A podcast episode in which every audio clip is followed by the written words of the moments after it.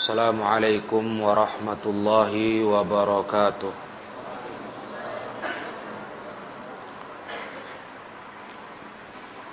إن الحمد لله نحمده ونستعينه ونستغفره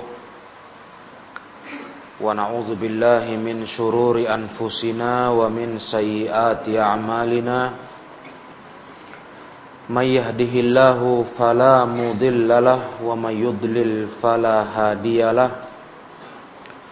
أشهد أن لا إله إلا الله وحده لا شريك له وأشهد أن محمدا عبده ورسوله يا أيها الذين آمنوا اتقوا الله حق تقاته ولا تموتن إلا وأنتم مسلمون يا أيها الناس اتقوا ربكم الذي خلقكم من نفس واحدة وخلق منها زوجها وبث منهما رجالا كثيرا ونساء واتقوا الله الذي تساءلون به والأرحام إن الله كان عليكم رقيبا يا أيها الذين آمنوا اتقوا الله وقولوا قولا سديدا يصلح لكم أعمالكم ويغفر لكم ذنوبكم ومن يطع الله ورسوله فقد فاز فوزا عظيما فإن أصدق الحديث كتاب الله وخير الهدى هدى محمد صلى الله عليه وسلم وشر الأمور محدثاتها فإن كل محدثة بدعة وكل بدعة ضلالة وكل ضلالة في النار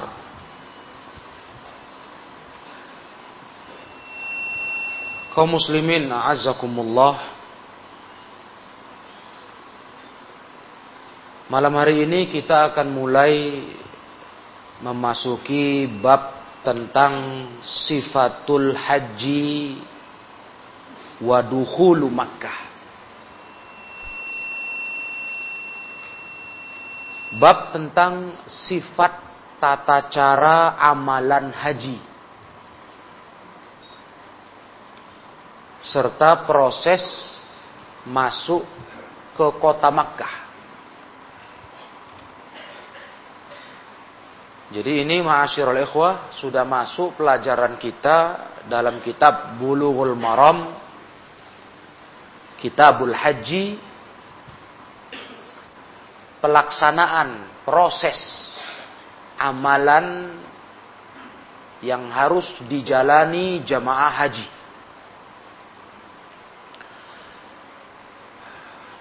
Seputar hukum-hukum tentang ihram kapan dimulainya ihram itu, batasan miqatnya, tempat mulai ihram itu, hingga larangan-larangan ketika berihram di tanah haram.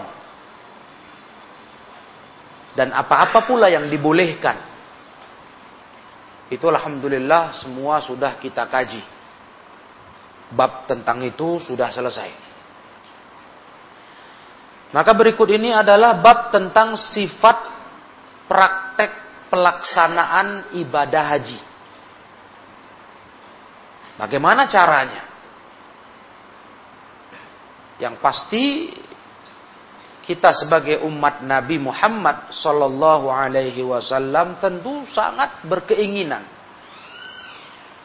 dapat melaksanakan ibadah haji sesuai dengan amalan Rasulullah sallallahu alaihi wasallam. Tidak kurang, tidak pula lebih. Itu tugas kita, ma'asyiral ikhwah. Mencari tahu amalan haji seperti Nabi beramal. Nabi memang berpesan itu. Khudhu anni manasikakum. Ambil dariku, kata Nabi, cara manasik haji kalian. Maka mari kita seperti Nabi dalam ibadah haji dan seluruh ibadah di agama ini. Kita hanya cukupkan yang Nabi kerjakan. Itu adalah sebuah standar beragama. Tidak kurang, tidak pula lebih. Itulah tujuan dakwah sunnah ini tegak, ma'asyirul ikhwah. Dakwah sunnah ini kita sampaikan ke masyarakat. Agar masyarakat Islam mencukupkan amalnya seperti Nabi beramal. Karena Nabilah guru kita umat Islam ini dalam mengamalkan amalan-amalan. Bab ini ma'asyirul ikhwah dimulai dari hadis 620. Penomoran syarah bulughul maram. Dan ini hadis yang panjang. Ya, sampai-sampai kata ulama satu hadis ini sudah melengkapi keseluruhan dari ibadah praktek manasik haji. Satu hadis ini. Maka perhatikanlah ini para ikhwah rahimakumullah dan setiap kita melihat pemaparan ibadah haji manasik haji di kitab-kitab ulama itu semua pengembangan dari hadis ini. Penjabarannya, syarah. Iya. Sampai muncul perbab sekian banyak ulasan. Itu dari hadis ini beranjak, berpijaknya. Maka kalau ikhwah perhatikan nanti hadis ini baik-baik, mudah-mudahan amalan ibadah haji sudah tergambar kita yang sesuai dengan sunnah Nabi Muhammad sallallahu alaihi wasallam. Kita baca hadis ini. An Jabir bin Abdullah radhiyallahu anhuma. Anna Rasulullah sallallahu alaihi wasallam hajja dari Jabir bin Abdullah semoga Allah meridai keduanya bahwa Rasulullah Shallallahu Alaihi Wasallam pernah berhaji. Fakharajna ma'ahu hatta idza ataina dzal hulaifa. Kami pun keluar bersama Nabi. Berangkat sama-sama Nabi. Sampai ketika kami sampai di Dzul Hulaifah. Dzul Hulaifah. Ikhwan masih ingat masalah miqat? Inilah miqatnya orang yang datang dari arah Madinah. Zul Hulaifah. Atau yang sering hari ini populer dikatakan dengan Bir Ali. Ketika itu, fawaladat Asma bintu Umais. Asma bintu Umais, sahabiyah, melahirkan. Ketika berada di Dhul Hulaifah melahirkan. Faqala igtasili maka Nabi wasallam berkata kepada Asma mandi kamu. Mandilah. Wastakfiri bitaubin dan kau berbalutlah istakfara itu kalau kita sekarang ringkasnya pakai pembalut wanita Iya. Itu ringkasnya. Kalau secara bahasa Arab dengan panjang lebar penjabarannya, itu wanita di zaman dulu menggunakan sesuatu kain khirqah dan semisalnya untuk jadi penahan darah mereka.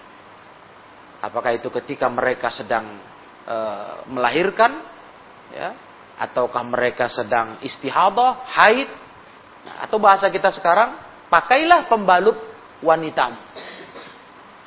Wastakfiri bitaubin. Wa ahrimi dan kau berihramlah. Ya, tidak ada masalah. Berihramlah. Mandi dulu, pakai pembalut, berihramlah. Berniatlah berihram. Ini untuk kondisi waktu itu Asma bintu Umais dalam keadaan melahirkan. Nah, jadi beliau melahirkan. Nah, bagaimana wanita seperti ini? Ya kata Rasulullah tidak ada masalah, kau mandi dulu. Pakai pembalut wanita supaya darahmu tidak mengotori pakaian. Kemudian kau berihram sebagaimana yang lain berihram. Nah. Nah, kemudian para ikhwah, nah sebelum itu Asma bintu Umais. Ini seorang sahabiah.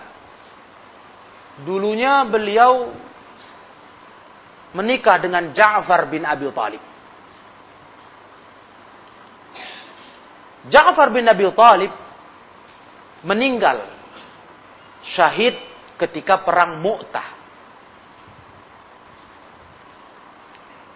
Setelah beliau ditinggal mati Ja'far bin Abi Talib, Abu Bakar As-Siddiq, sahabi yang mulia, khalifah kedua, menikahinya.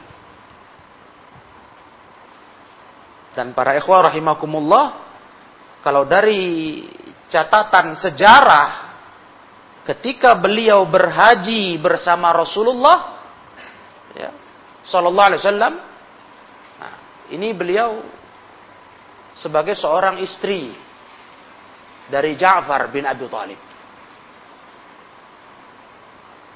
Kemudian setelah dinikahi Abu Bakar Siddiq. Setelah Abu Bakar Siddiq wafat. Asma bintu Umais dinikahi sahabat yang mulia khalifah Nabi yang keempat, Ali bin Abi Thalib. Itulah suami terakhirnya. Maka beliau adalah seorang sahabat yang mulia yang pernah bersuamikan tiga sahabat mulia Rasulullah Sallallahu Alaihi Wasallam. Nah, nah kemudian Wasalla Rasulullah sallallahu alaihi wasallam fil masjid. Kemudian Rasulullah pun sholat di masjid. Ya, sholat di masjid. Di Dhul Hulaifah. Thumma raqibal qaswa'a hatta idza stawat bihi 'alal baida'i ahalla bit tauhid. Kemudian beliau pun menunggangi al-qaswa, itu nama unta Rasulullah. Qaswa nama unta Rasulullah Shallallahu Alaihi Wasallam. Setelah Rasul menaiki unta, ya, hatta idastawat bihi alal baida, Rasul bergerak ketika sudah beliau berada posisinya di atas baida. Yang dari sinilah ikhwah ada istimbat ulama bahkan ini yang masyhur bertalbiyah ihram itu saat di atas kendaraan. Kalau kau nanti belajar manasik haji umroh, tuntunan yang ditulis oleh ulama ketika kita di Dhul kita sampai miqat mau berihram, itu dituntunkan bertalbiahnya ketika sudah naik kendaraan. Kalau sekarang bus. Naik di atas kendaraan, baru bertalbiah bertalbiyah ihram seperti Rasulullah sallallahu alaihi wasallam.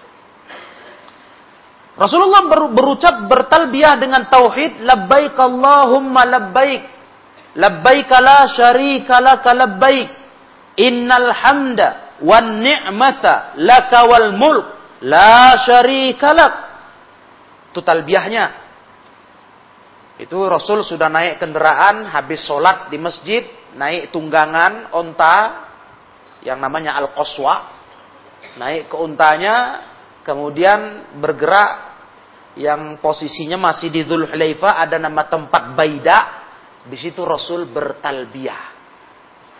Nah, hatta idza atainal baita sampai ketika kami tiba di Baita, yakni di Ka'bah. Ya, perjalanan yang lama memang dari Dhul Hulaifah sampai ke Makkah. Jadi Jabir bin Abdullah cerita, beliau potong, tidak beliau ceritakan perjalanannya. Nah, kami sampai ke Baita, ke Ka'bah, istalamar rukna, faramala salatan wa masya arba'an. Beliau pun menyentuh rukun Hajarul Aswad. Ini permulaan untuk kita memulai tawaf kita mulai pertama dari Hajarul Aswad. Istalamar rukna. Rukun di sini, rukun Hajarul Aswad. Ya. Dan di sini para ekho yang dimuliakan Allah, tentu kondisinya di saat-saat hari-hari ini, di masa-masa zaman-zaman kita ini, ini tidak bisa langsung masuk Masjidil Haram, kita kita nggak bisa langsung start mulai turun dari Masjidil Haram ke titik kita memulai ihram, mem memulai uh, tawaf, nggak bisa. Jadi harus kita ambil dulu jalan dari belakang karena padatnya manusia. Sebab di titik itu pula lah manusia ramai-ramai berharap bisa mencium Hajarul Aswad. Ya, yang mulia. Ketika zaman itu tentu gampang, mudah. Maka Rasulullah Wasallam ketika sudah sampai dengan sahabatnya ke Ka'bah, beliau langsung menuju kepada rukun Hajarul Aswad, mau mulai tawaf. Faromala salasan wa masya arba'an. Beliau pun berlari-lari kecil tiga kali. Tiga putaran. Tiga kali putaran. Itu beliau lari-lari kecil. Kemudian yang empat kali beliau berjalan biasa. Berarti tawaf tujuh kali putaran. Satu catatan yang perlu kita ingat para ikhwah. Ini amalan lari-lari kecil tiga kali, toaf, uh, empat kali jalan di waktu toaf, khusus toaf kudum. Selain toaf kudum. Ya, toaf itu ada tiga. Kau perhatikan, toaf ada tiga. Tawaf pertama untuk jemaah haji namanya tawaf kudum, tawaf datang. Awal datang kita, kita harus tawaf tujuh kali. Namanya tawaf kudum. Ini orang jemaah haji ya. Yang kedua namanya tawaf ifadah. Nah, ini tawaf haji. Ini tawaf haji yang wajib.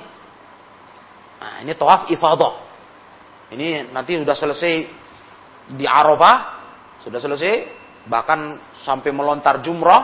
Nah, kalau kita mendahulukan melontar jumrah, barulah kita toaf ifadah. Ini toaf puncaknya manusia padat. Luar biasa. Karena itu toaf yang paling puncak. Nah, baru ketiga, toaf wada. Toaf perpisahan, mau pulang. Nah, yang model lari tiga kali putaran pertama tiga kali yang pertama ini hanya berlaku di tawaf kudum. Perhatikan Jadi kalau jemaah umroh langsung datang ke Mekah mengamalkan tawaf umroh, itu tidak perlu. Ya, karena tawafnya tawaf umroh. Nah, nah, yang perlu tawaf dengan lari tiga kali itu tawaf kudum. Ya, toaf untuk kita pertama datang ke Baitullah Al-Haram. Itu yang Rasulullah lakukan. Ramala salasan wa masyarba'an. Ya, ini belum belum belum amalan haji. Namanya toaf kudum. Nanti toaf ifadah dijelaskan di bawah hadis panjang. Dah, perhatikan catatan ini ya, Ya, karena banyak salah praktek. Malah di toaf ifadah. Ada yang saya perhatikan dipaksakannya mau berlari kecil. Masya Allah, tentu menyulitkan dia dan nggak sunnah. Bagaimana dia dengan kepadatan manusia yang hampir ber, menempel tubuh kita dengan punggung orang, dia paksa mau lari. Andai kata itu sunnah, tentu itu sudah di luar kemampuan. Yang nggak usah dipaksakan. Lah ini nggak sunnah. Nah itu makanya pergi haji punya ilmu. Bukan asal semangat berangkat, tiba di sana bingung. Tengok orang lari, larilah awak. Itu yang banyak kejadian. Ya, jadi sehingga kita di tawaf ifadah banyak mengingatkan jemaah Indonesia yang mau coba-coba lari, ada celah lapang, dia coba lari. Kita ingatkan, tidak usah, jangan. Rasulullah melakukan ramala salatan, lari-lari kecil tiga kali putaran hanya pada tawaf kudum. Ini riwayatnya. Hatta thumma ata maqama Ibrahim fa Setelah Rasul selesai tawaf, beliau datang ke makam Ibrahim. Makom artinya tempat pijak kaki Nabi Ibrahim. Ya, bukan kuburan Nabi Ibrahim. Tempat pijak kaki yang memang tempat pijak kaki itu berbekas kaki beliau. Ya, kaki beliau sallallahu alaihi wasallam, Nabiullah Ibrahim.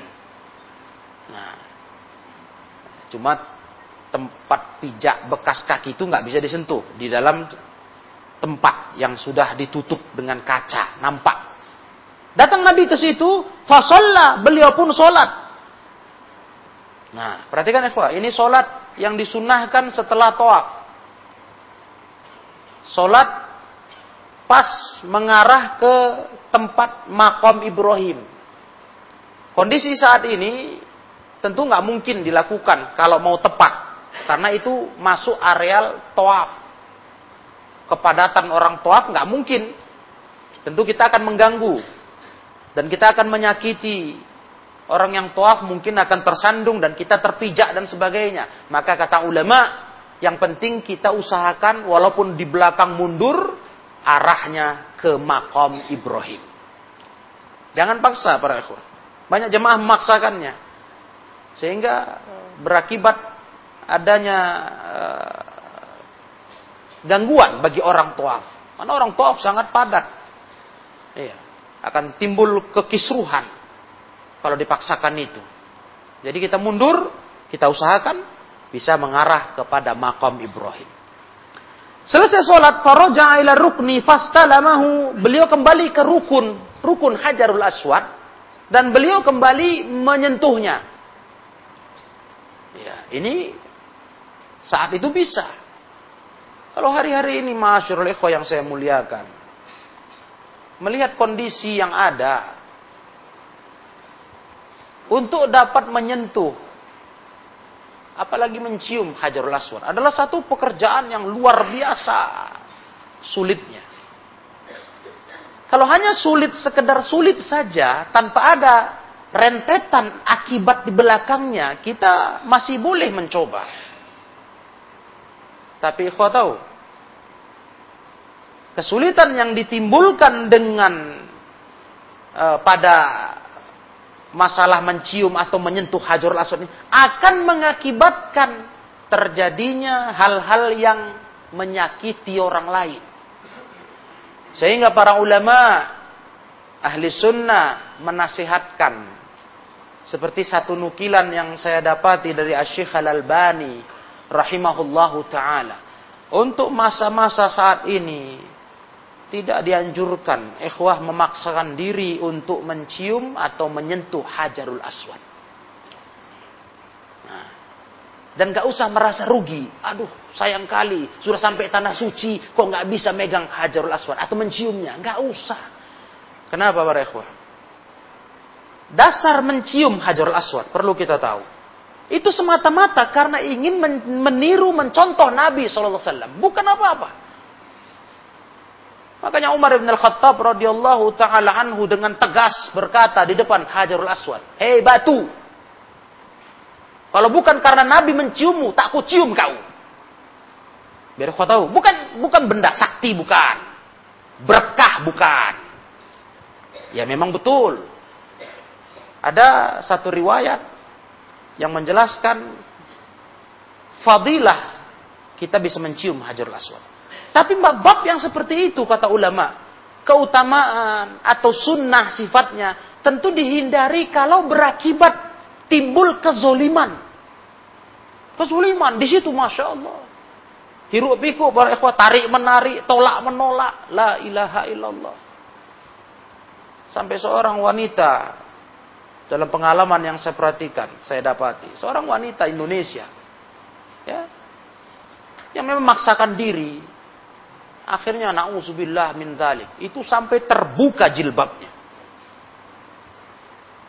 Ya, bagaimana tidak? Yang dia hadapi manusia besar, besar. Dia kecil mungil. Dia paksa nyuruh-nyuruh di situ. La ilaha illallah. Akhirnya orang nggak tahu menang sudah karena orang berebut mencium Hajarul Aswad. Suasana yang sangat mengerikan. Nah ini, maka tidak dianjurkan. Dan jangan jadi kebanggaan untuk cerita dibawa pulang ke tanah air. Aku menciumnya tiga kali. La ilaha illallah. Kenapa rupanya? Gugur dosamu. Atau kau buat dosa di situ, menyikut-nyikut orang. Itu kenyataan, ya, Kenyataan, Masya Allah. Maka saya menasihatkan kepada jemaah haji dan umroh. Jangan paksa. Kalau memang nggak nampak kesempatan dan memang sulit, nggak usah. Itu nasihat ulama, bukan kita mengambil inisiatif. Nah, dan jangan ada merasa rugi, udah pernah mijakkan kaki di tanah suci, kok tak bisa mencium hajarul aswad. Jangan para ikhwan. Ulama ngasih bimbingan, kezoliman lebih pantas ditinggalkan, dihindarkan daripada mengejar mencium hajarul aswad atau menyentuhnya. Ini Rasulullah menyentuhnya karena memang waktu itu kondisinya mudah. Mudah, ikhwah. Kalau mudah tentu kita mau. Karena sunnahnya begitu. Ketika kita, bahkan kalau kita sanggup, kalau kita kondisinya mungkin lewat tiap putaran, itu kita sentuh. Kita sentuh, kita cium tangan. Hajar Aswad itu. Itu kalau memang kondisinya zaman dulu yang lapang. Masya Allah hari ini Subhanallah. Ya. Apalagi sekarang, kalau sekarang ya bisa kena denda hukum. Ada orang mungkin berkesempatan haji atau umroh, mau paksa mencium hajarul aswad, bukan lagi dia zolim, ditangkap. Karena hajarul aswad sekitar sekeliling Ka'bah hari ini dipagar. Berarti nggak boleh mendekat. Menerobos pagar itu pelanggaran hukum. Ya, Inilah kondisi di masa-masa wabah ini. Sekitaran Ka'bah di pagar, orang nggak boleh merapat ke dinding Ka'bah. Nah, maka tidak akan mungkin ma'asyirul ikhwah untuk dapat mencium hajarul aswad atau menyentuh hajarul aswad. Nah, nah kemudian ma'asyirul ikhwah yang mulia, Rasulullah menyentuhnya setelah sholat dua rakaat di makam Ibrahim. Thumma kharaja minal babi ila sofa. Kemudian Rasul keluar dari pintu menuju ke Bukit Sofa. Keluar dari pintu masjid. Waktu itu masjid uh, Sofa Marwa belum masuk masjid, belum. Ya, sekarang tentu sudah. Sekarang Sofa Marwa sudah masuk dalam areal Masjidil Haram. Masuk dalam areal Masjidil Haram. Ah, subhanallah. Kalau dulu kita belum tahu gambarnya, belum ke sana, kita kalau bayangkan sofa Marwa, wah, itu bukit terbuka yang jauh dari masjid. Berjarak lah begitu. Padahal sekarang ma'asyar bukit sofa Marwa ini sudah dalam bangunan Masjidil Haram. Karena Masjidil Haram diperluas dan bagian sofa Marwa sudah dalam Masjidil Haram. Maka kalimat kharaja minal babi keluar dari pintu ila sofa saat itu. Keluar dari pintu menuju sofa. Ya, karena waktu itu pintu Masjidil Haram itu di luar uh, sofa di luar pintu, di luar bangunan masjid. Kalau sekarang antum keluar pintu sudah keluar ke hotel. Sofanya di dalam masjid. Nah, itu ada penunjuknya. Selesai kita uh, toaf, sholat, kemudian kita bergerak menuju ke sofa, itu ada petunjuknya. Ilah sofa, kepada sofa. Ada penunjuk jalannya dalam bangunan masjid. Nah, kemudian wajibul ikhwah, falamma dana minas sofa, ketika Nabi mendekati sofa, bukit sofa, yang memang di kondisi sekarang masih dipertahankan terus. Bukit itu masih dipertahankan, walaupun sudah dalam bangunan yang canggih. Yang bukit aslinya, ma'asyirul ikhwah rahimakumullah, masih dipertahankan. Cuma tidak boleh lagi dipijak eh, uh, manusia, dipugar. Ya. Bangunan asli, apa bukit asli bebatuan itu dipagar, hanya yang di bawahnya yang posisi menanjak itu yang tempat orang untuk memulai sa'i. Jadi bukitnya sendiri untuk sofa masih ada, yang batu-batu alami gunungnya itu, cuma nggak lagi diizinkan orang memijak, melihat saja. Ya, di bawahnya itu ada e, gundukan juga, tanah menanjak, sebelum turun kita ke areal sa'i. Nah, di situlah ma'asyur orang-orang mulai melakukan sa'i dalam ibadah haji dan umrah. Ketika sudah mendekat ke sofa, beliau membaca Inna sofa wal marwata min syairillah. Menjelang sofa, udah terasa itu jalan menanjak para ikhwah untuk menuju bukit sofa. Ah, itu jangan lupa membaca Inna sofa wal marwata min syairillah. Abda'u bima bada Allahu bi. Aku mulai dengan apa yang Allah mulai dengannya. Baca itu. Menjelang sampai ke bukit sofa. Nah. Kemudian Farokos Sofa, Nabi pun naik ke bukit Sofa. Memang suasana jalannya pun menanjak menuju itu. Nah, begitu sudah naik, posisikan diri ma'asyirul ikhwah di bagian bukit itu. Bukan maksud saya bukit yang tadi dipugar, itu nggak bisa. Itu ada pagarnya. Tapi yang di bagian posisi setatnya orang sa'i, yang di bawahnya itu ya bukitnya juga itu, yang sudah dikasih keramik. Ketika berada di situ, kita pun kemudian mencontoh Nabi, Nabi hatta ro'al baita fastaqbalal qiblah sampai Nabi melihat Ka'bah. Jadi di situ kita putar badan ya, Ketika naik kita ke Bukit Sofa tentu Ka'bah di belakang kita. Perhatikan. Ya. Nah, ketika sudah naik ke Bukit Sofa, Nabi pun menghadap ke Ka'bah lagi. Ibarat kita sekarang kita putar badan melingok Ka'bah. Fastaqbalal kiblah, beliau menghadap kiblat yaitu Ka'bah, nampak gitu. Memang nampak para ikhwan, sekarang nampak. Sempat tidak nampak, saya perhatikan ketika ada renovasi Masjidil Haram. Waktu itu tidak nampak karena ada renovasi, jadi ditutup-tutup masih. Saya lihat tak nampak. Nah, setelah renovasi selesai, saya lihat sudah nampak. Jadi memang dirancang pemerintah Saudi Arabia untuk tetap bisa nampak dari sofa Ka'bah itu. Kalau pernah mungkin ada yang umroh di masa renovasi, nggak nampak, tertutup. Ya, tertutup oleh eh, penutup-penutup uh, batas pekerja. Nah, sekarang sudah nampak, alhamdulillah. Ya, ketika sudah nampak, nah, Rasulullah melihat ke kepada al-bait menghadap kiblat fawahhadallahu wa kabbara. Beliau pun mulai mentauhidkan Allah dan bertakbir. Wa qala la ilaha illallah wahdahu la syarikalah lahul mulku wa lahul hamdu wa huwa ala kulli syai'in qadir. La ilaha illallah wahda. Anjaza wa'da. Wa nasara 'abda. Wa hazamal ahzaba wahda. Itu bacaan Nabi sudah berada di atas bukit sofa sambil ketika beliau menghadap Ka'bah kiblat. Nah, itu baca itu. Nah, kemudian mahasiswa oleh yang mulia, thumma da'a baina dzalik. Habis baca itu berdoa. Doa yang bebas. Nah, baca dulu itu kalimat-kalimat tadi ya. La ilaha illallah sampai akhirnya tadi. Kemudian berdoa sesuka hati kita.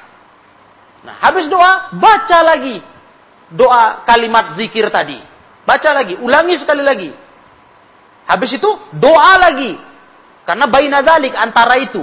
Baru yang ketiga, baca lagi la ilaha illallah wahdahu la syarikalah sampai habis nggak perlu doa. Berarti bacaan itu tiga kali, di antaranya ada doa sekali-sekali. Berdoanya dua kali. Nah, Nah ini yang perlu dihafal oleh jemaah haji dan umroh. Ada yang sulit menghafal? Ya sudah. Gantungkan di leher tuh buku.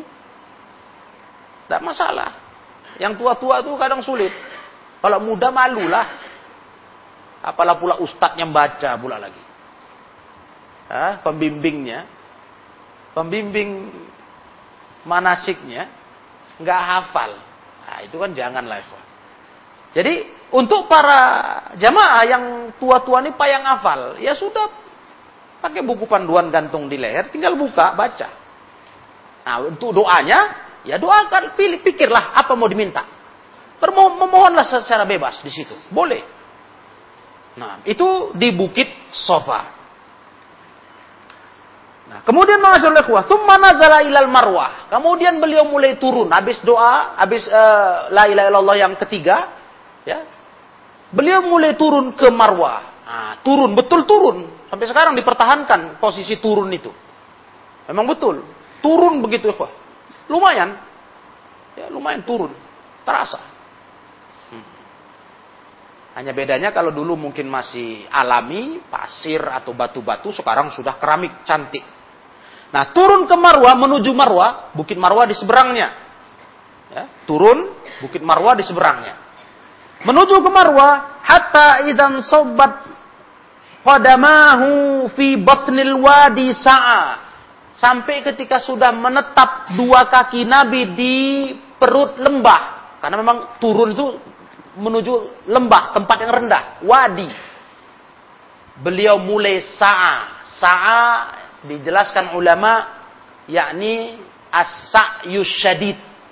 Jalan cepat, bukan lari, ya Ini perlu diluruskan dan saya selalu dalam membimbing jamaah haji umrah saya ingatkan bukan berlari tapi berjalan cepat. Bukan kayak di Tawaf Kudum, itu ramel lari. Ini jalan kencang. Dan itu yang kita kenal sekarang dengan dua tanda hijau. Itulah wadi yang dimaksud di sini. Ya, yang dimaksud dengan wadi ma'asyiral ikhwah rahimakumullah, batnil wadi sekarang oleh pemerintah Saudi dikasih tanda lampu hijau. Start mulai jalan cepat dari sini sampai sana. Nah, itu dia. Itu kalau kita udah turun dari Bukit Sofa, nggak lama, ah, jumpalah tanda pertama. Mulailah jalan cepat. Sampai tanda kedua jalan normal menuju ke Bukit Marwah. Jadi sekarang dimudahkan oleh pemerintah Saudi dengan lampu hijau itu.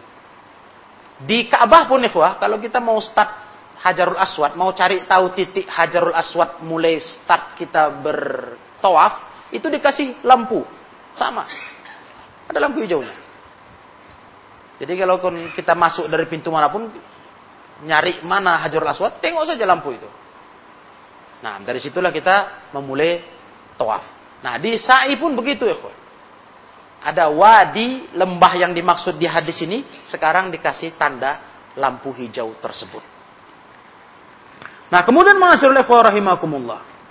Hatta idza sa'idata masya ilal marwah. Sampai ketika Nabi wasallam sudah menanjak, beliau berjalan ke Marwah. Ya, ini sudah melepas dari tanda hijau tadi, nah, mulai beliau jalan kaki lagi. Jadi waktu itu tanda hijau ini betul-betul kayak tempat yang masuk begitu, rendah, rendah betul.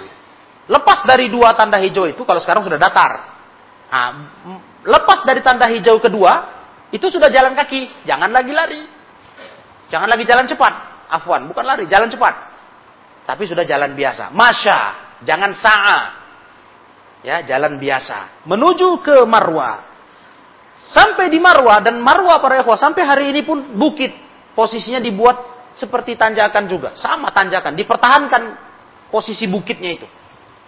Walaupun posisinya para ikhwah yang mulia ya ya kurang lebih lah sama dengan sofa.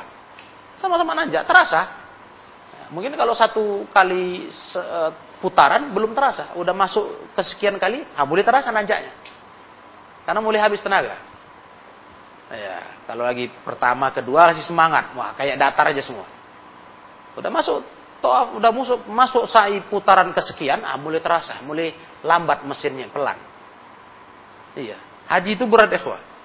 Nah, itu terasa. Apalagi kalau yang orang langsung mengamalkan toaf ifadah selepas dari uh, Muzdalifah, wukuf Arafah, Muzdalifah, Mina, Tawaf, Masya Allah. Itu langsung sa'i, subhanallah. Letih yang luar biasa. Letih. Karena di tawafnya saja kita sudah padat. Sudah luar biasa. Sudah, Masya Allah. Terkuras habis tenaga. Padat luar biasa.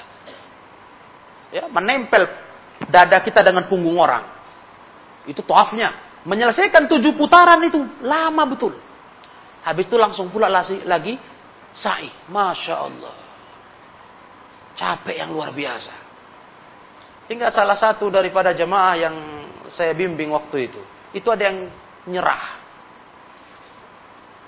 Tiga putaran sa'i dia berhenti. Minggir tegeletak. Saya pikir mati. Wallahi, karena, karena gak ada orang begitu di pinggiran putaran dari Marwa ke Sa'i itu kosong. Lah ini kok ada orang geletak, diem. Rupanya kawan kita. Saya bangun nih. Baru dia sadar, ah, saya nggak kuat Ustaz. Astagfirullah. Ya sudahlah. Nah, bagaimana mau dipaksa? Sudah nggak sanggup. Nah, ikhwah, ini ibadah haji. Jadi butuh kesehatan, butuh ilmu untuk dapat menuntaskan ibadah tersebut. Nah, nah kemudian para ikhwah yang mulia, Rasulullah setelah naik ke Marwah, sampai ke Marwah, fa'ala 'alal Marwah kama fa'ala 'ala Sofa. Beliau lakukan di Bukit Marwah kayak beliau lakukan di Bukit Sofa. yakni baca lagi seperti yang tadi dibaca di Bukit Sofa.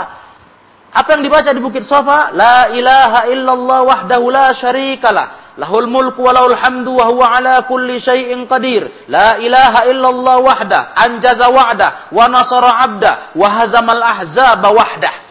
Baca lagi itu. Habis baca itu doa. Ya. Kemudian baca sekali lagi. Doa lagi. Baca sekali lagi. Baru turun dari marwah balik ke sofa. Dan para ikhwah. Kalau kita katakan tujuh kali putaran sofa marwah, berarti mulainya dari sofa, berakhirnya di marwah. Karena satu jalan hitungan satu putaran. Bukan diputari sekali, enggak. Satu jalan sofa marwah satu. Marwah sofa dua. Nah makanya kalau tujuh, akhirnya kita di bukit marwah. Selesainya di marwah. Nah, begitulah ma'asyiral ikhwah yang mulia, wa dzakarul hadis dan disebutkanlah hadis ini panjang dari Jabir bin Abdullah radhiyallahu taala anhuma. Kemudian wafihi di dalam hadis ini juga ada tambahan falamma kana yaumat tarwiyah. Ketika hari tarwiyah. Ya, ini bukan kelanjutannya, ya, bukan kelanjutannya, tapi tambahan riwayat keterangan lainnya. Malah kita ceritanya ini mundur ini. Jangan ikhwah bayangannya lanjutan habis dari Marwah terus hari Tarwiyah. Jangan. Marwah dari Marwah ini kita sudah habis ibadah haji. Hari Tarwiyah tanggal 8 Zulhijjah. Nah, jadi tambahan riwayat lanjutan ini bukan melanjutkan cerita dari Marwah sudah selesai saya, bukan. Nah, ini ada tambahan riwayat lagi dari riwayat ini. Ketika hari Tarwiyah, pas tanggal 8-nya. Tadi kan nggak diceritakan tanggal 8 ngapain Rasul. Yang ada tadi cerita Jabir, Nabi SAW dari Zulhulaifah, ya, berangkat, langsung ceritanya kami sampai ke Ka'bah. Ya kan? Atainal baita. Dari Ka'bah itulah Nabi terus start bertawaf, tawaf kudum, dari Hajarul Aswad beliau sentuh Hajarul Aswad. Start, start uh, tawaf. Sebelumnya ada apa Nabi? Tanggal 8-nya bagaimana? Gak diceritakan. Nah, ini sekarang diceritakan ya. Nah, ini kita mundur ke tanggal 8-nya. Maka ketika sampai hari Tarwiyah tanggal 8 Zulhijjah tawajjahu ila Mina. Para sahabat semua bergerak ke Mina. Tanggal 8 loh. Wukuf tanggal 9. Tadi kita cerita tawaf, tadi Nabi tawaf ifadah, sa'i, itu tanggal 10. Jadi tanggal 8-nya, itu Nabi dengan sahabat bergerak ke Mina.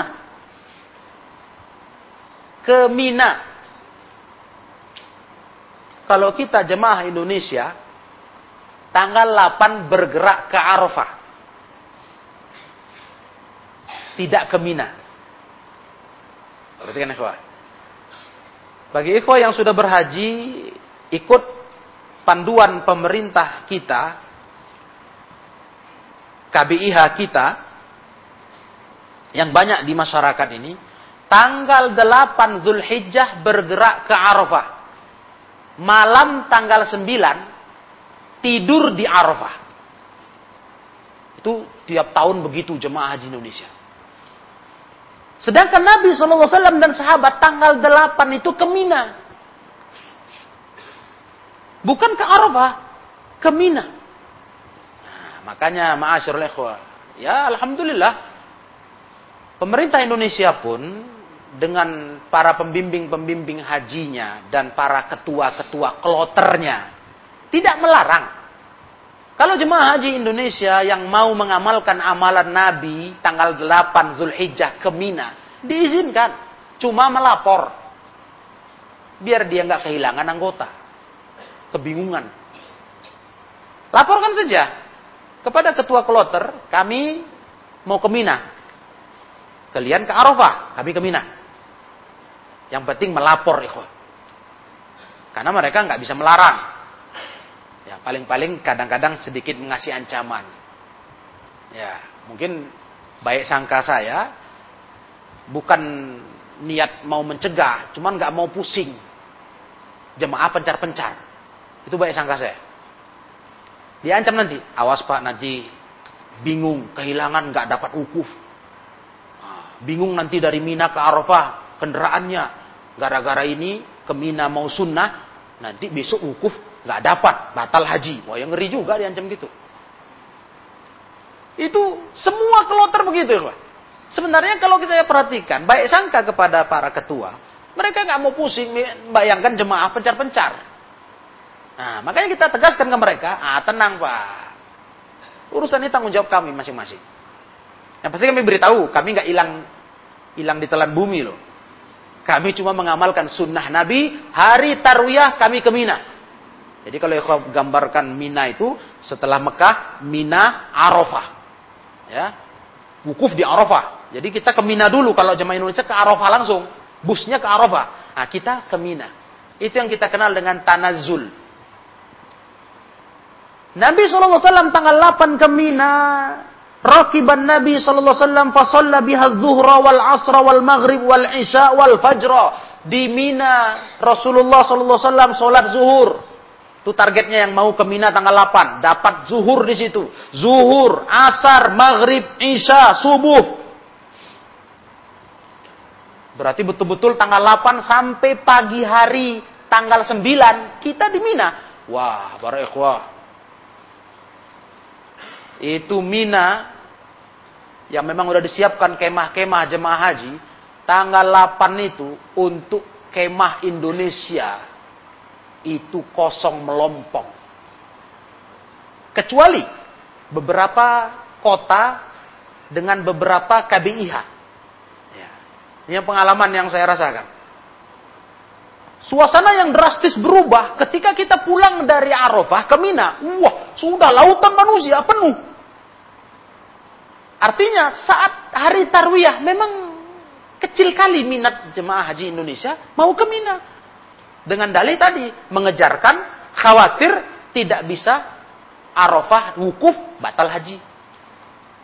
Jadi kalau nggak berani-berani atau punya kawan-kawan, ya mungkin nggak nyali, nggak nyali pisah rombongan. Nah, jadi saya nasihatkan, belakangan ini makin tahun makin tahun makin banyak yang mau ke Mina, rombongan makin banyak, ya, cari informasi lah. Biar ada kawan-kawan yang bisa sama-sama tanggal 8 Zulhijjah ke Mina. Banyak, makin hari, makin tahun makin banyak. Ya, tentunya kita cerita sebelum wabah ini, ya. Makin tahun makin banyak peminatnya. Ya, waktu dulu masya Allah, tidak ada kemah yang dimuat sekian ribu, ratus ribu manusia, ya, untuk Indonesia itu kosong plong, nggak ada orang. Ya, betul-betul senyap betul. Luar biasa. Karena nggak ada, cuma kita. Berapa orang saja. Baru saya waktu itu coba lihat ke kemah sebelah, kota sebelah, ah, baru ketemu. Ada jemaah Bandung. Agak rame mereka. Juga mengamalkan malam di Mina, tanggal 8 itu. Nah, subhanallah. Sampai mereka tawarkan, gabung sini aja katanya. Nggak usah. Artinya memang luar biasa sepi. Minat untuk 8 Zulhijjah ke Mina itu kecil sekali. Nah, belakangan ini makin ramai, makin banyak, ya tentu makin banyaklah kesadaran untuk mengamalkan kayak cara Nabi berhaji, ya. Alhamdulillah, makin informasi yang saya terima makin makin banyak. Waktu itu tahun 2003 saya berangkat haji ya tentu sangat kosong. Memang sangat minim sekali orang mau tanazul tanggal 8 Zulhijjah ke Mina. Nah, Kemudian summa makasa makasa qalilan hatta tala'atis syamsu. Udah selesai sholat subuh dikit di Mina, beliau berdiam sebentar, nunggu terbit matahari. Alhamdulillah, ketika itu kita amalkan ini. Selesai kita sholat di kemah, di Mina, kita bergerak keluar areal kemah menunggu matahari. Tunggu hari terang. Ketika terbit matahari, Pak Ajaza hatta Arafah, ya, barulah kemudian bergerak ya, menuju Arafah. Nah, waktu itu ikhwah, kalaupun ya, saya kasih tahu, kalaupun kita minat jalan kaki dari Mina ke Arafah, tidak ada masalah, banyak kawannya. Hmm. Ya kita kalau masih bertenaga, masih muda, nggak usah pusing, banyak kawannya. Karena di Saudi Arabia disediakan dua jalur, pejalan kaki, jalur bus. Jadi kita nggak akan mungkin tersenggol bus. Nggak usah khawatir ditabraknya. Untuk perjalanan Mina Arafah ya. Itu dua jalur. Pejalan kaki, bus. Yang pejalan kaki memang manusia tok. Satu jalur. Hah? Apa yang dikhawatirkan? Aus. Air zam-zam tersedia di pinggir jalan. Tinggal pencet. Apa? Nah, cuma tentu butuh fisik. Nah, ini yang saya nasihatkan kepada jemaah-jemaah ikhwah yang bawa ke orang tua. Ah, tentu nggak bisa. Ya? Orang tua yang sudah agak berumur, nggak mungkin dipaksa begitu. Nanti mador dia. Nah, inilah. Nah, kalau itu maklumlah sudah. Kalau nggak bisa ke, ke Mina, langsung ke Arafah. Karena memang kondisinya yang dibawa orang tua yang sudah berusia. Nah, jangan dipaksa ya, Kalaupun kita mau cari kendaraan, ini pengalamannya, Kalaupun mau cari kendaraan dari Mina ke Arafah, banyak. Ya cuma ongkos sendiri. Kalau kita tadi dari rombongan Mekah, Arafah, berangkat langsung dari e, Mekah tanggal 8 itu, busnya udah disediakan oleh jemaah e, Indonesia. Ya, ini urusan haji Indonesia. Gratis. Adapun dari Mina ke Arafah kita mau berangkat pagi itu, ya cari sendiri bayar. Cari kendaraan dan itu banyak, masya Allah, banyak. Iya. Kita bayar, kita nego berapa real satu orang, bayar. Nah, kalau kita belum belum uh, belum ngerti jalan kaki jalurnya, silahkan bayar, beli naik bus atau naik uh, mobil-mobil pribadi, nah ya boleh, boleh pilih, boleh. Busnya ada, mobil pribadi ada. Bahkan mobil pribadi pun ada istimewanya. Naik atas atap pun ada. Iya. Mobil-mobil pribadi, mobil SUV. Itu sampai di atasnya pun kayak angkot Medan ada. Ditaruh orang, yang penting duitnya cocok. Nah, tidak ada masalah di sana. Iya. Pokoknya kita pasti sampai Arafah. Nah, sampai Arafah. Malah pengalaman yang saya jalani, sampai Arafah pun belum waktu wukuf, belum, jauh lagi. Sebentar saja. Dari Mina ke Arafah, mas sebentar saja. Wukuf mulainya tergelincir matahari, baru start wukuf. Jadi nggak usah khawatir apa yang ditakut-takuti itu. Cuma itu tadi saya katakan ya, kalau kita bawa orang tua yang rentan fisiknya, nah ini bahaya. Jangan dipaksa. Nanti madorot bagi orang tua itu. Kalau kita masih bawa orang-orang sehat, bawa istri yang sehat, bawa keluarga yang sehat, nah, tidak ada masalah. Kita usahakan sempurna ibadah haji seperti Nabi Shallallahu Alaihi Wasallam. Nah, nah kemudian oleh yang dimuliakan Allah, ya, Fawajad al-kubbah, ketika Nabi sampai ke Arafah, beliau dapati al-kubbah qad duribat lahu binamirah. Beliau dapati kemah sudah dibangunkan untuk Nabi di Namirah. Namirah, ya, itu satu tempat yang posisinya bukan areal wukuf bukan areal wukuf. Namirah. Nah. Panazala biha Rasul turun di situ. Nah, turun di di Namirah hatta idza zalati syamsu amara bil qaswa faruhilat lahu fa ata batnal wadi fa khataban nas thumma adzana thumma aqama fa shalla adh-dhuhra thumma aqama fa shalla al-'asra wa lam yusalli bainahuma syai'a jadi di Namirah itu Rasul dibuatkan sudah kemah, disiapkan sahabat. Sekarang di Namirah ikhwah sudah ada masjid, namanya Masjid Namirah. Memang kalau dapat sampai di Arafah, kita langsung menuju Namirah. Zuhur di situ, jamaah asar di situ. Nanti di, di Namirah tiap tahun ada ulama yang khutbah. Iya, khutbah. Nah, habis itu baru kita masuk ke area wukuf. Keluar dari masjid, masuk ke area yang ada batasan wukuf tanah wukuf ya, untuk wukuf Arafah. Nah Rasulullah begitu waktu itu. Beliau ke Namirah, udah ada kemah, beliau turun di situ sampai ketika matahari tergelincir beliau perintahkan untanya Qaswa beliau tunggangi sampai ke Batnil Wadi. Ada sebuah lembah di situ, di situ beliau khutbah. Masih belum ada waktu itu. Dia ada lembah gitu. Beliau khutbah di situ, selesai khutbah, azan muazin, terus komat, sholat zuhur, kemudian tegak lagi, komat lagi, sholat asar. Dan beliau tidak sholat di antara keduanya. Langsung jamak kosor. Habis az-zuhur, langsung sholat asar. Komat lagi, sholat asar. Itu di Namirah. Sekarang ada masjid besar. Ya, jadi dan ini padat tentu padat. Karena jemaah haji menuju ke sana. Untuk yang luar negeri loh ya. Luar negeri Indonesia. Kalau Indonesia susah. Karena Indonesia dibawa, tadi saya katakan ke ikhwah, tanggal 8 Zulhijjah, udah dibawa ke tempat wukuf di Arafah. Dan itu nggak dekat dengan Namirah. Di bagian di bawah gunung. Nah, jadi agak sulit tapi kalau kita masih dari Mina, yang tadi tanggal 8 ke Mina, bisa pilih. Ya, kita bisa turun dari bus atau jalan kaki, langsung menuju Namiro. Masjid Namiro.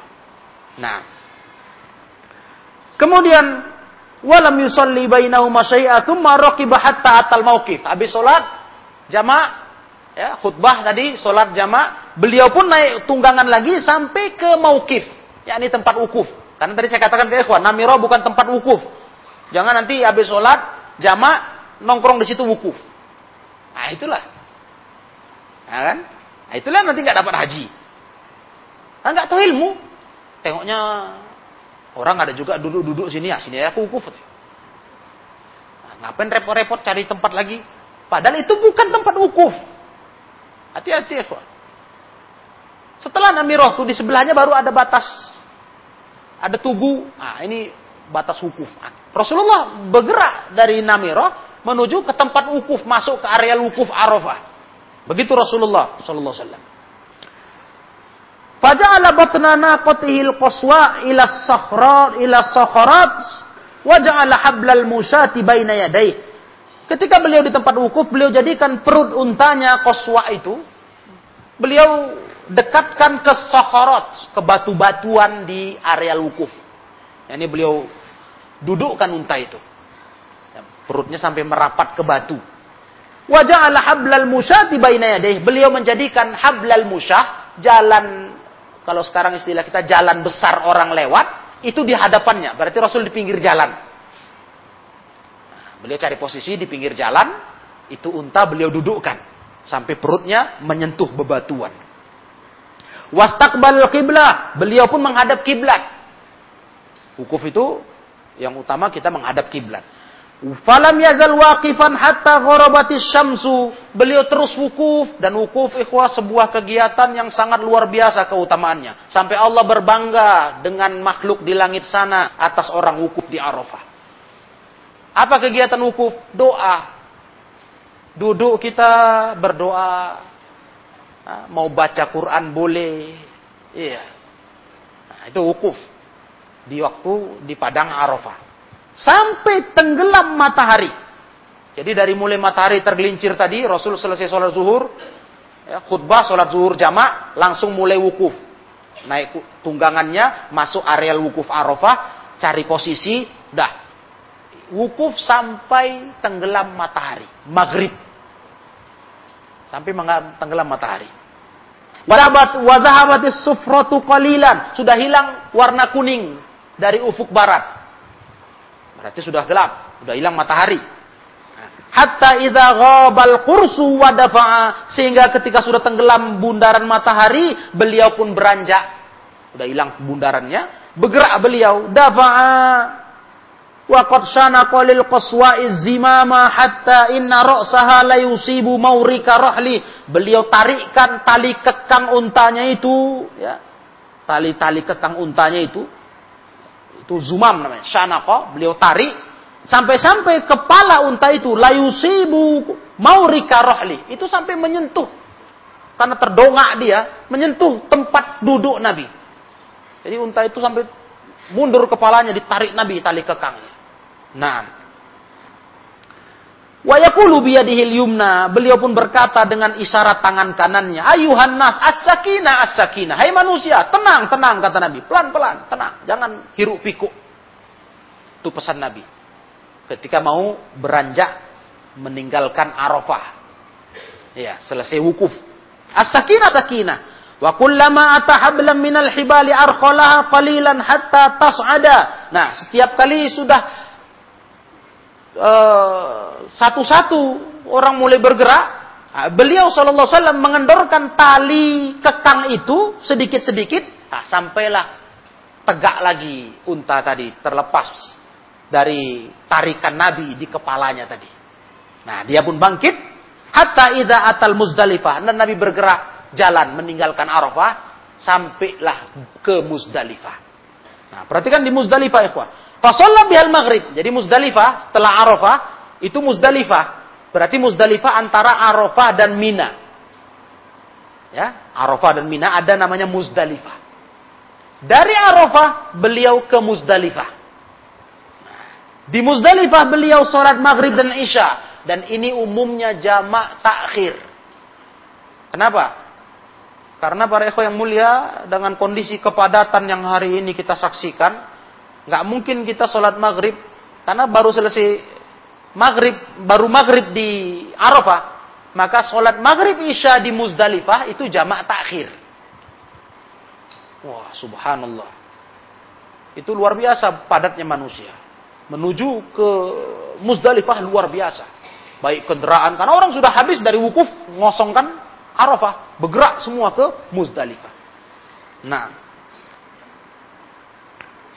Bi adanin wahid wa iqamataini wa lam yusabbih bainahuma syai'a. Nabi adzan e, sekali, ya, adzan wahid, adzan sekali, dua komat jamak antara maghrib isya. Jamak maghrib isya. Dan pengalaman ya kalau bergerak dari e, Arafah ke Muzdalifah jalan kaki, wallahu alam naik bus. Karena saya yang saya jalani jalan kaki. Sampai di Muzdalifah sekitar jam 11 malam dari Ba'dal Maghrib. Jalan kaki. Itu jalan kaki nggak berdesakan. Berdesakan menjelang ke ujung. Jadi ibarat jalan besar, makin mendekati Muzdalifah jalan mengecil. Bukan jalan yang mengecil, tapi orang sudah padat. Sudah padat cari posisi. Jadi makin kayak gang lama-lama. Karena orang sudah ramai. Nah, itu Muzdalifah. Jadi waktu itu saya ingat jam 11 malam baru kita sampai di Muzdalifah. Nah, kemudian semat toja hatta tola al fajru. Terus Nabi berbaring di Muzdalifah. Tidur. Sampai terbit subuh. Sampai pagi. Nah, waktu itu tentu para ikhwah lapang sekali ya. Kalau hari-hari sekarang ini, Masya Allah. Susahlah tidur. Karena kepadatan manusia ditambah ya kondisi fisik kita dengan cuaca dan mungkin makanan kadang bikin masalah di perut sehingga kita susah tidur karena harus ngantri di toilet umum lama. Salah satu fasilitas yang sering dapat masukan kritikan pemerintah Saudi adalah memperbanyak toilet umum. Karena di sana saat itu terasa kurang sekali. Wallah alam terus ditambah terus ya kabar yang saya tahu. Sebab satu toilet itu harus diantri sampai 15 orang. Sehingga habis waktu di situ, tidurnya entah kapan. Tahu-tahu habis antrian udah subuh. Nah, itu biar kau tahu. Makanya haji itu berat. Ya, haji itu berat. Ya, sebuah perjuangan yang luar biasa. Nah, Nah, kemudian ma'asyiral ikhwah rahimakumullah. Wa sholal fajr hatta tabayyana lahu subuhu bi adzanin wa iqamah. Beliau salat subuh sampailah jelas bagi beliau subuh ya. Beliau pun menyuruh azan dan komat, beliau salat. Tsumma raqiba hatta atal masy'arul haram. Kemudian beliau naik kendaraan, kemudian beliau berjalan sampai ke Masy'aril Haram, fastaqbalal qiblah fada'a wa kabbara wa halala wa wahada. Beliau pun menghadap kiblat di Masy'aril Haram. Masy'aril Haram sekarang sudah tidak ada uh, bukit tempatnya. Sekarang sudah dibangun masjid. Masy'aril Haram sudah jadi masjid lokasinya. Jadi sekarang kalau dapat ke situ singgah, tapi sulitlah kepadatan yang luar biasa masa-masa kita haji tahun-tahun kita ini. Ya kalau itu waktu itu Tentu Nabi dengan gampang, Masjidil Haram masih tempat kosong. Nah, di situ Rasulullah singgah menghadap kiblat, berdoa, bertakbir, bertahlil, bertau, uh, dan ber, mentauhidkan Allah. Falam yazal waqifan hatta asfaro jiddah. Jadi Rasul di situ diam dulu sebentar sampai hari udah terang. Asfaro, asfaro itu sudah menerang. Suah, sudah cuaca sudah nampak putih langit, udah mulai terang. Nah, beliau tidak langsung jalan ke Mina. Nah, sebentar istirahat di situ. Wakif, berhenti sampai udah hari agak terang. Kemudian pada qabla an tatlu asyamsu. Beliau bergerak sebelum matahari terbit, tapi jangan sampai matahari terbit ikhwah. Sebelum matahari terbit sudah bergerak meninggalkan Masy'aril Haram. Hatta idza atabatna muhassir faharraka qalilan, sampailah beliau ke lembah Muhassir. Di Muzdalifah itu antara Muzdalifah menuju Mina ada nama lembah Muhassir. Di situ Nabi bergerak cepat. Jalan cepat. Kayak buru-buru begitu. Yang beberapa ulama mengatakan, ya, memang itu sunnahnya. Lembah Muhassir adalah lembah di mana tentara bergajah dihancurkan Allah. Ketika mau merusak Ka'bah. Di masa Rasulullah dilahirkan. Abraha dengan tentara bergajah mau coba menghancurkan Ka'bah. Di lembah Muhassir dihajar oleh burung ababil. Maka tempat itu tempat turun azab. Nah, maka buru-buru di situ Nabi seperti takut nengok tempat itu, lewatkan. Itu lembah muhasir. Nah, Thumma salakat tariqal wusta. Hari ini para ikhwan dikasih tanda, ada pamflet. Ini daerah muhasir. Nah, ya.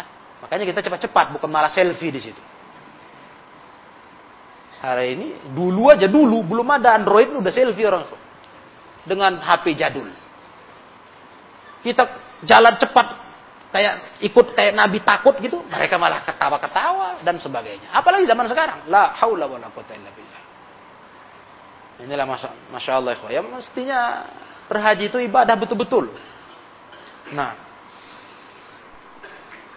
Thumma salaka tariqat lusta ila allati takhruju alal jamratil kubra. Kemudian beliau menempuh jalan tengah yang keluar menuju ke jamratil kubra, ya, menuju ke Mina ini, ngambil jalur tengah. Kalau hari ini kan sudah diatur-atur jalurnya. Hatta atal jamroh allati indah syajarah sehingga beliau datang ke jamroh yang ada di sisi pohon. Sekarang tidak ada lagi pohonnya. Jamroh pun sudah canggih bertingkat-tingkat. Jadi melontarnya pun orang nggak berdesakan, nggak timbul e, celaka seperti yang pernah terjadi dulu.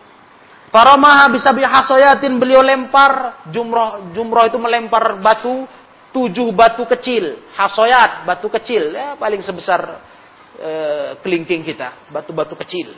Nah, yukabbir ma kulli hasatin minha. Beliau bertakbir tiap batu yang dilemparkannya, kullu hasatin mislu hasal khazfi. Tiap batu seperti batu khazaf. Batu khazaf itu batu seperti batu kelingking tadi. Batu kecil. Jadi bukan batu-batu besar. Ya. Dan ikhwah ini ibadah bukan ngelempar setan. Ah inilah. Bisa pula ada pendapat semangat lempar setan gitu. Kenapa nggak batu nggak batu gunung kau bawa? Timpakan sekali ke jamroh itu biar hancur semuanya. Biar makin berat setan makin kesakitan. Masa batu kerikil kecil-kecil? Mana ada rasa? Ini kesalahan pemikiran namanya. Bukan itu, ini ibadah. Gak ada keterangan satupun riwayat melempar setan dengan jumroh, melontar jumroh. Gak ada. Rasulullah SAW melontarnya itu begitulah manasik haji. dan Rasul tiap melontar bertakbir, yukabbir. Wa rama bin min batnil wadi thumman sarafa ilal min ilal manhar. Beliau pun melempar dari batnil wadi, dari bawah lembah. Ya. Ini aturan melontar jumroh. Kemudian beliau pun setelah selesai melontar, beliau beranjak menuju manhar, fanaharo, menuju manhar, yakni tempat sembelihan. Di sana beliau menyembelih. Thumma raqiba Rasulullah sallallahu alaihi wasallam fa'afadu ilal bait, fa shalla bi zuhra. Selesai menyembelih hewan hewannya, hewan e, kurban, hadiu, ya, hadiu. Kemudian beliau pun beranjak menuju ke Baitullah, ke Ka'bah dari Mina, melontar jumrah itu daerah Mina kemudian bergerak menuju ke Ka'bah, ke kota Mekah. Ingat ya, itu semua jalurnya udah tersedia, lapang, bagus, aman. Jadi kalau ikhwah sanggup dari Arafah, jalan kaki Muzdalifah, Mina, balik ke Mekah, masya Allah lancar. Kalau sanggup, jalani aja semua. Nah, Rasul sampai di, di bait ke Mekah, kemudian fasolla bi Makkah zuhra, beliau sholat zuhur di kota Mekah. Jadi begitulah Pak Asyur, Masyur Ikhwah, hadis muslim yang mutawal, yang panjang. Panjang betul hadis ini. Yang mana ini sudah menunjukkan rangkaian manasik haji Rasulullah Wasallam. Lengkap. Di hadis-hadis yang berikutnya nanti menambahi. Insya Allah kita baca. Menambahi hal-hal yang perlu kita lebih perhatikan dalam pelaksanaan manasik haji yang sesuai sunnah Nabi SAW.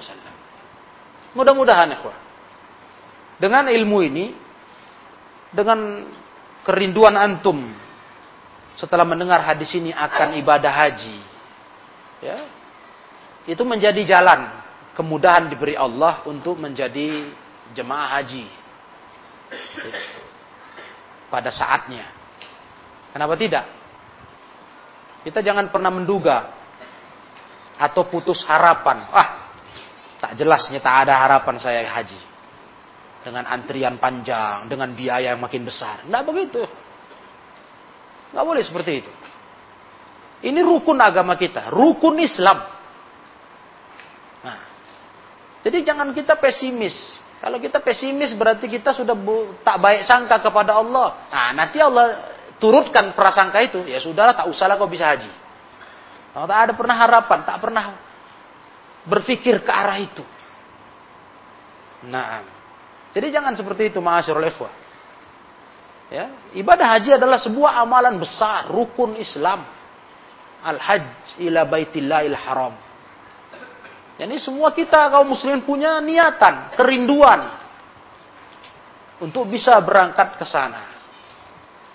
Jadi ilmu ini setidaknya sudah menjadi eh, landasan ikhwah untuk berfikir sambil berdoa dalam hati kepada Allah. Ya Allah, beri saya kesempatan untuk menjalankan ibadah haji seperti praktek Nabi Wasallam. Nah, berbaik sangka kepada Allah, Allah akan beri jalan untuk ikhwah bisa mengamalkannya. Jangan pernah pesimis. Ya. Kita nggak tahu bagaimana Allah punya aturan, ketentuan untuk hambanya. Kita nggak tahu. Jelek kali kalau kita pesimis. Berarti kita nggak punya jiwa besar untuk menghadapi ibadah. Nggak punya semangat besar. Janganlah itu. Itu menunjukkan kita tidak kuat himmah, tekad. Nah, jadi ilmu ini saya harapkan sebagai sebuah dorongan ke ikhwah, tekad untuk berharap bisa mengamalkan ibadah haji ya sesuai dengan aturan yang ditetapkan. Jangan sampai demi tujuan menghalalkan cara. Ya, ini demi mengejarkan ibadah haji pakai jalur-jalur yang tidak betul. Nah, ini jangan ya kuah. Itu salah. Fatwa-fatwa ulama ahli sunnah mengatakan tak betul itu berhaji dengan jalan-jalan yang salah yang melanggar aturan-aturan negara. Seperti orang berangkat haji dengan jalur belakang, jalan jalur gelap. Tidak boleh itu. Itu kita sudah melanggar agama. Tidak boleh, dilarang. Ya, jadi tetaplah niatkan tujuan baik dengan cara yang baik. Sabar. Allah tahu tekad kita. Kalau ternyata nggak sampai kita keburu dipanggil Allah menghadapnya, tidak ada masalah. Yang penting niat kita sudah pasang. Ya, Allah tahu kejujuran hamba-hambanya dalam berniat. Nah, itu dia. Nah, demikianlah kaum muslimin hadis ini saya sampaikan. Semoga ini bermanfaat. Wallahu a'lam bissawab. Wa akhiru da'wana anil hamdulillahi rabbil alamin.